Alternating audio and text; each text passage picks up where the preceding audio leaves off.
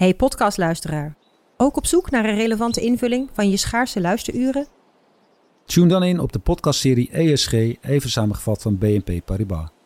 Wij, Marloes en Aldert, spreken daar duurzame voorlopers en wereldverbeteraars. Waarover dan?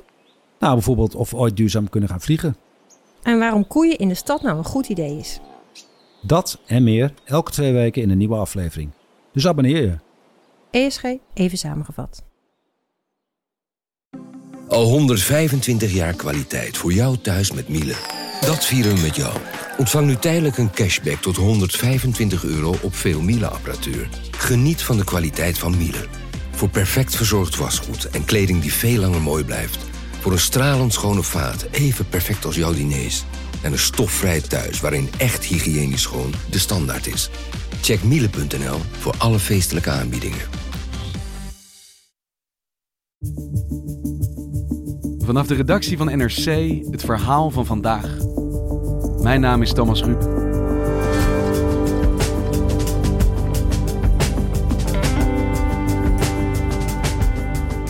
Vandaag treedt de Britse premier Theresa May af als leider van de conservatieve partij. Haar opvolger wordt automatisch premier. En over wie dat wordt bestaat eigenlijk geen twijfel. Boris Johnson. Hij wordt door zijn partijgenoten gezien als de laatste strohalm om uit de Brexit-puinhoop te komen. Wat gaat er schuil achter de warrige blonde façade van deze man die eigenlijk niet eens Boris heet?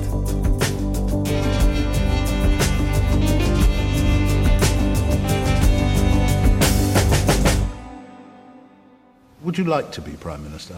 Well, I would like to be the lead singer of an international rock group. I mean, that, that was my aim. Or gu- guitarist. I would love to have been a world famous painter or indeed a composer. There are many, many things that I would like to have done or, or to be able, be able to do. But would you Uh, like to be Prime it- Minister? I think it's a very tough job being Prime Minister. Very tough job. I mean, obviously, it's a, it'd be a, a great, great thing to have a crack at, but it's not going to happen. Wat er vandaag staat te gebeuren is dat om eh, 11 uur eh, Britse tijd eh, maken de conservatieven bekend wie hun nieuwe partijleider wordt. Melle Garschagen is correspondent voor NRC in Londen. Ja, en het staat eigenlijk al redelijk vast dat er maar één naam uit de bus kan komen. En dat is eh, Alexander Boris de Pfeffel Johnson. En eh, ja, hij is een partijleider. En dan moet hij een dag later, eh, zal hij hoogstwaarschijnlijk eh, eh, premier worden. Boris Johnson has steamrolled to victory in the first round of the race to be the next prime minister. He's not there yet. To put it in plain English, Johnson left the other candidates in the dust. We gaan er eigenlijk al vanuit dat Johnson het wordt. Hoe groot is de kans dat mensen nu deze podcast luisteren en denken: waarom hebben ze het over deze man en niet over die ander? Omdat zijn tegenkandidaat totaal geen kans maakt. Hij neemt het op tegen eh, Jeremy Hunt, de minister van Buitenlandse Zaken. Je zou zeggen een capabele bestuurder, heeft eh, lange ervaring als minister. eh, is een man met ja, redelijk gedetailleerde plannen wat hij met het Verenigd Koninkrijk wil. Maar hij heeft niet de Boris factor. Hij, hij is niet de, de gangmaker. Hij kan niet een zaal en een land opzwepen. Do you think they've won? No, they haven't. Can we go forward to victory on June the 23rd? Yes, we can. can. Do we believe in this country and what it can achieve? Yes, we do, don't we? They're running our country. En wat betekent dat als Boris Johnson straks premier wordt? Nou ja, als je het door de ogen van Boris Johnson zelf bekijkt, dan kan je zeggen: eh, eh, Boris Johnson krijgt eindelijk de baan waar hij al zo lang eh, van denkt dat hij er recht op heeft. Eh, ja, als je in zijn, zijn levensloop duikt, dan merk je al vrij snel dat eh, Boris Johnson er erg van overtuigd was, al op eh, vrij vroege leeftijd, dat Boris Johnson een groot leven ging leiden. En ja, nu is hij eindelijk eh, premier, is hij eindelijk de bewoner van 10 Downing Street. Prestigieuzer kan het niet. Het verhaal van Boris Johnson begint in New York. Daar is hij geboren. Hij woonde daar met zijn ouders Stanley en Charlotte. En zijn hele jeugd is, eh, wordt eigenlijk ge- gekenmerkt door, door onrust. Het gezin verhuist de hele tijd van, van New York naar eh, New England, naar Washington, terug naar, naar Engeland. Eh, ze hebben een tijd in Brussel doorgebracht en weer terug. En hetzelfde geldt voor Boris Johnson. Die werd van, van school naar school gepingeld, eh, had de hele tijd andere kindermeisjes. Dus het is een, een heel turbulent en onrustig gezin, maar ook heel in- intellectueel. Charlotte was, eh, of is, eh, ze leeft nog steeds, kunstenaar, eh, schilder. Stanley is een ja, intellectueel, ehm, heeft voor de Europese Commissie gewerkt, was Europarlementariër, een denker, ook een flamboyante man. Dus in, in dat betrekkelijk elitaire Britse intellectuele nest is Boris Johnson opgegroeid. Ik las in een van zijn biografieën een, een, een sleutelpassage. En dat ging erover dat Boris als uh, jonge tiener voor het eerst naar een, naar een Engelse kostschool ging. En dat was een vrij strenge kostschool met uh, hele strenge uh, leraren en docenten, waar ook geslagen werd. En hij werd daar gepest, want hij kwam uit het buitenland, kwam over uit Brussel. hij heeft Turkse voorvaderen, daar werd hij mee gepest. Hij heeft Turkse voorvaderen? En, ja, zijn overgrootvader was een Turkse intellectueel die uh, via omzwervingen uiteindelijk in Engeland uh, belanden. My brothers and sisters and, me were from all over the place. So we've got Turkish, German, French, Russian, international jury, you know, you know, the lot. En hij werd daarmee gepest op school. Hij werd gepest en hij las op dat moment uh, veel P.G. Woodhouse. Het is een schrijver die heel mooi typetjes kan neerzetten. Maffe uh, Engelse aristocraten, uh, gekke butlers. Typisch Engels, Engels, Engels. En Johnson las dat en die dacht: Dit is handig. Ik kan mezelf een typetje aanmeten. Als ik doe alsof ik een soort verwarde Britse aristocraat uit de jaren 30 ben, die er een beetje slonzig uitziet met verward haar maar tegelijkertijd uh, ben ik heel belezen, uh, ben ik echt een erudiet uh, ja, persoonlijkheid. Dan, dan, dan kom ik beter over. En nou volgens die biografie is dat het moment waarop het onzekere jongetje, de Boris, werd die wij nu kennen.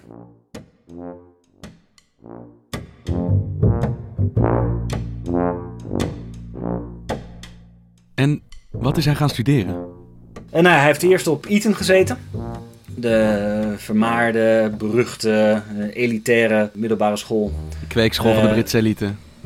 Ja, zij is er wel op een beurs naartoe gegaan. En dat betekent, ja, je komt er alleen maar binnen met een beurs als je, als je heel slim bent. Dus het is ook echt een slimme man.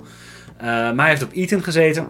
En is daarna naar Oxford gegaan om classics te, studeren. Dus klassieke talen, de oudheden. En hoe verging het deze jonge intellectueel met zijn warrige persona op Oxford? Nou ja, goed. Hij was daar uh, populair. Uh, als je ook naar foto's uit die tijd kijkt, dan, dan, dan zie je een, uh, ja, een, een, late tiener, begin twintiger met, met veel zelfvertrouwen. Met een, met, met, een, met een scherpe blik. I declare the motion overwhelmingly carried and I close the House at 12:18 a.m. Johnson was elected president of the Oxford Union in his third year. ondeugend. Dat blonde, warrige haar had hij toen al echt iemand die wel doorhad dat hij wat in zijn mars had. En na zijn afstuderen is hij de journalistiek ingegaan. Hij werd uh, junior verslaggever bij, uh, bij The Times, uh, een grote kwaliteitskrant in Engeland. Maar werd er al vrij snel ontslagen, want hij kan af en toe de waarheid redelijk wat geweld aandoen. En hij had quotes verzonnen, nou ja, dat weet jij ook, journalistieke doodzonde. dus hij moest daar weg. Dat is zijn eerste baan als journalist. Is hij meteen ontslagen omdat hij verzonnen heeft? Uh, nou, meteen, maar eh, binnen volgens mij een bestek van, uh, van twee jaar of zo. Het was echt, echt vrij snel. En, en hij zegt zelf daar ook over, ja, dat was, dat was natuurlijk oliedom en dat had ik nooit moeten doen. En daar uh, praat hij zich behendig uit. It was awful. I remember, I remember, I, I remember a deep, deep sense of shame and guilt and, and uh, just not, you know, you just not knowing how to, to sort it out. And it was a bit of. Maar hij kreeg vrij snel een tweede kans. Uh, hij mocht voor de Daily Telegraph gaan werken. En daar werd hij eind jaren 80 correspondent in Brussel. Uh, toen nog niet bij de Europese Unie, maar bij de voorloper de Europese gemeenschappen. En daar ontstond echt de, de Boris uh, zoals wij hem nu kennen. De man met een hele scherpe pen, met een filijn gevoel voor humor. Dat zelfs als je, als je uh, een politieke tegenstander van hem bent, ja, dan uh, moet je erom kunnen lachen, want hij is gewoon geestig. Maar tegelijkertijd schreef hij over Europese eenwording op een manier die tot dan toe ongekend was. Hij maakte het spannend, hij maakte het sexy. The only way people could discover the news was when they woke up in the morning and there it was on the front page of the Daily Telegraph telling them what had happened. And I, I, had a, I had a sort of intro, which was Britain stood alone last night as, and then I would fill in whatever it was, as Europe proceeded with plans to abolish the curved cucumber. Vorige week uh, gaf hij een, een toespraak. En daar ging hij opeens zwaaien met gerookte haring. I want you to consider this kipper. Uh, dat is hier een, uh, een delicatesse.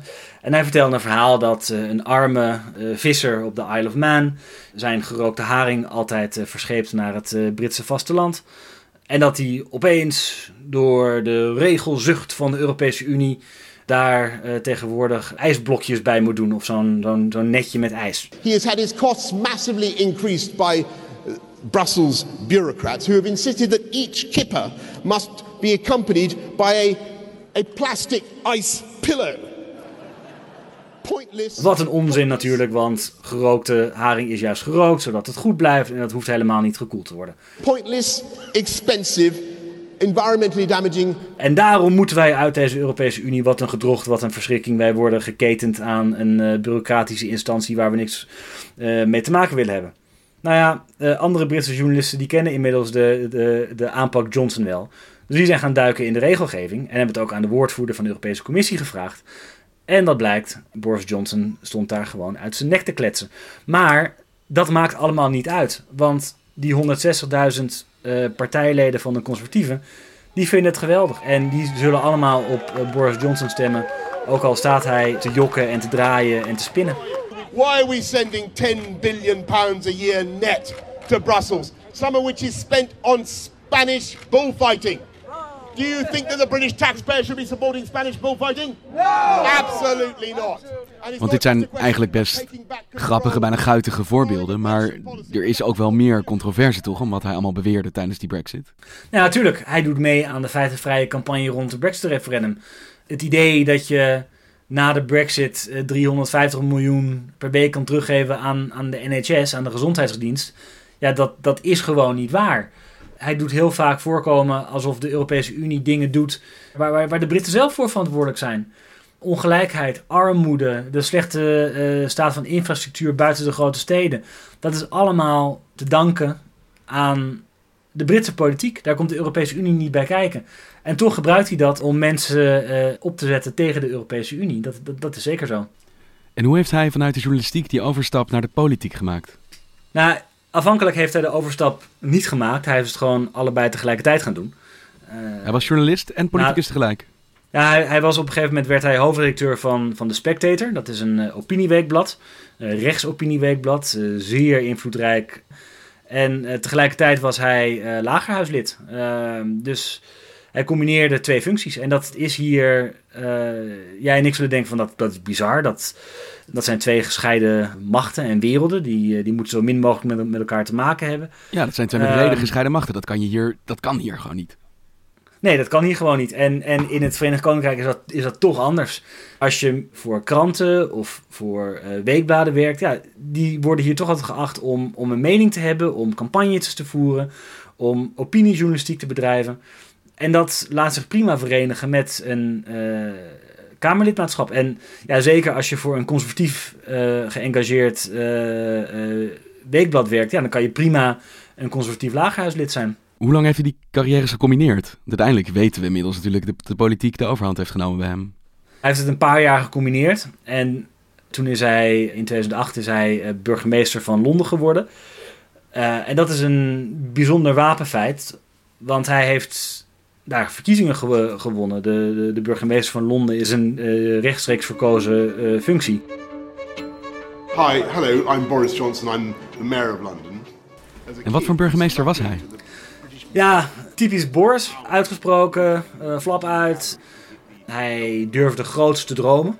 hij heeft een kabelbaan in een nieuw deel van de, van, van, de, van de stad laten aanleggen. kabelbaan? Ja, dat, dat, leuk, geinig, sensationeel. En hij had nog grotere ideeën. Hij wilde een vliegveld in de monding van, van de Theems laten opspuiten. Het ging bij Boris altijd om, om de reuring, om de show.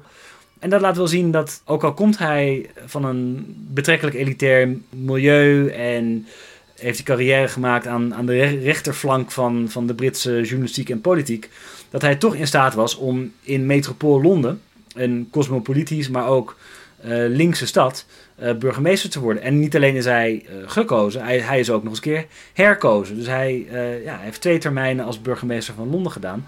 En hij, hij zegt nu, ja, dat laat wel zien dat ik verkiezingen kan winnen. Ik, ik appelleer niet alleen aan pure conservatieven, maar ik kan het midden van het land achter mij krijgen.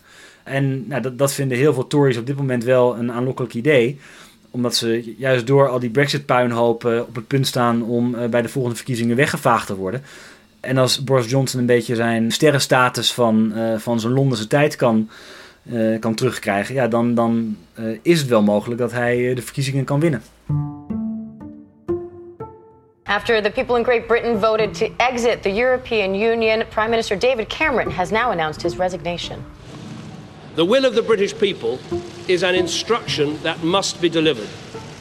But I do not think it would be right for me to try to be the captain that steers our country to its next destination. En iedereen dacht, ja, dit is het moment waarop Johnson eh, eh, de macht grijpt. Maar toen had hij een, een hele warrige campagne en kreeg hij ook ruzie met zijn eh, eh, trouwe bondgenoten. En toen moest hij op een, op een persconferentie, waarin iedereen dacht, nu gaat Boris Johnson aankondigen dat hij premier wordt. Zei hij, ja, dit land heeft een nieuwe leider nodig, iemand die ons naar de uitgang loodst.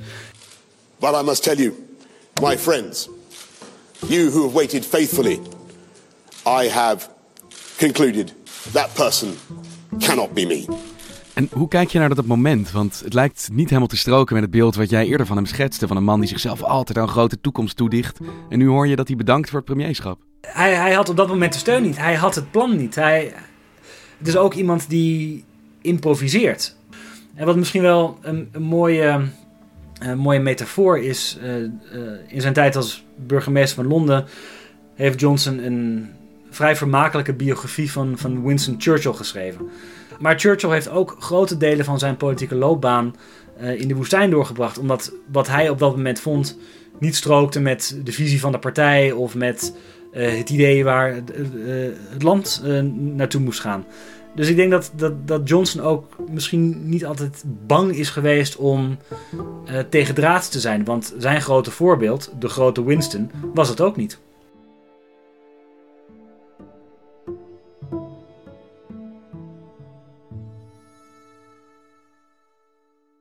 En hoe is hij dan toch van dat zijspoor weer in het centrum van de macht beland? Nou ja, dat schrijft hij ook in het voorwoord van die Churchill-biografie. Johnson gelooft heel erg dat persoonlijkheid uitmaakt.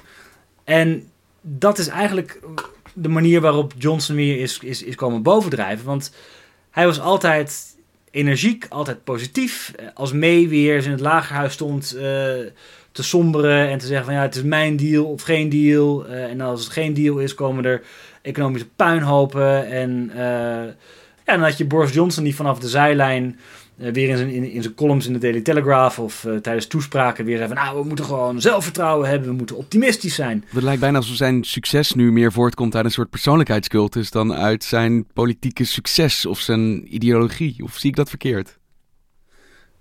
Nou, ik vind het geen persoonlijkheidscultus. Ik vind het meer een hang naar een ander sentiment. Veel mensen denken dat ja, je, hebt iemand nodig die de boel opschudt, die andere krachten losmaakt dan het technocratische gesomber van Theresa May.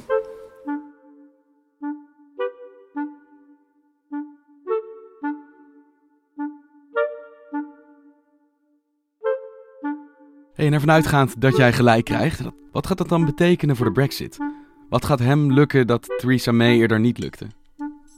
Kijk, hij zegt zelf: ik wil meteen naar Berlijn en Parijs en ik wil praten met de Europese Unie. Ik wil een nieuwe deal, dat we een betere deal krijgen en dat de Europese Unie en het Verenigd Koninkrijk als vrienden verder gaan. Oké, dat wil hij, maar hij zegt niet hoe hij het wil. Hij zegt alleen dat de huidige deal gelijk staat aan het Verenigd Koninkrijk tot eh, slavenstaat van de Europese Unie maken. Ehm, maar de Europese Unie zegt: ja, wij, wij zijn al klaar met onderhandelen. Wij hebben eh, bijna twee jaar met jullie onderhandeld over een Brexit-deal. Eh, dat, dat ding is 585 pagina's. Dat is het. Want wat zijn concreet zijn opties? Zijn opties zijn precies dezelfde opties als de afgelopen drie jaar. Hij kan eh, zeggen dat hij zich toch achter een tweede referendum schaart. Maar de grote keerzijde is dat binnen zijn eigen partij uh, dat idee zo gehaat is dat daarmee de, de partij uiteenvalt. Dus dat is een, uh, een groot risico. Andere optie is om te zeggen, ja, ik wil meteen verkiezingen. Ik wil dat we nog voor 31 oktober, voor die Brexit deadline, dat we naar de stembus gaan. Maar als je naar de peilingen kijkt op dit moment, het is echt een loterij als je nu verkiezingen uitschrijft of hij uh, wint of ongelooflijk uh, uh, gaat verliezen. Ja, dus allebei die opties zijn gigantische risico's. Een referendum en dan de steun van je partij verliezen. Of nieuwe verkiezingen en misschien je premierschap verliezen. Is er nog een derde optie? Ja, de, de derde optie is natuurlijk dat hij voet bij stuk houdt. En dat hij koers op een no-deal Brexit. Ehm, daar is natuurlijk ook weerstand tegen in de Britse politiek. Uh, en daarom heeft Boris Johnson gedreigd om het parlement in oktober te schorsen. Mm. Gewoon lam te leggen. Dus daar is een ongelofelijke strijd uh, over gaande. En de uitkomst daarvan is, uh, ja, is, is nog niet zeker. Wat ik wel weet is, we krijgen waarschijnlijk een, een maandje rust met de vakantie. Maar in het najaar wordt het hier totaal spektakel. Hey, en hoe laat vandaag weten we dat jij inderdaad gelijk hebt gekregen? Uh, 12 uur. 12 uur Nederlandse tijd, rond de lunch. Ik vertrouw op je, Melle. Dankjewel.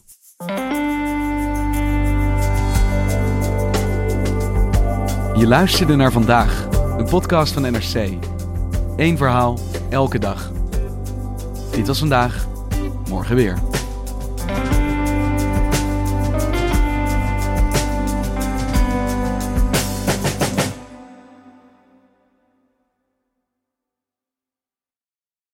Technologie lijkt tegenwoordig het antwoord op iedere uitdaging.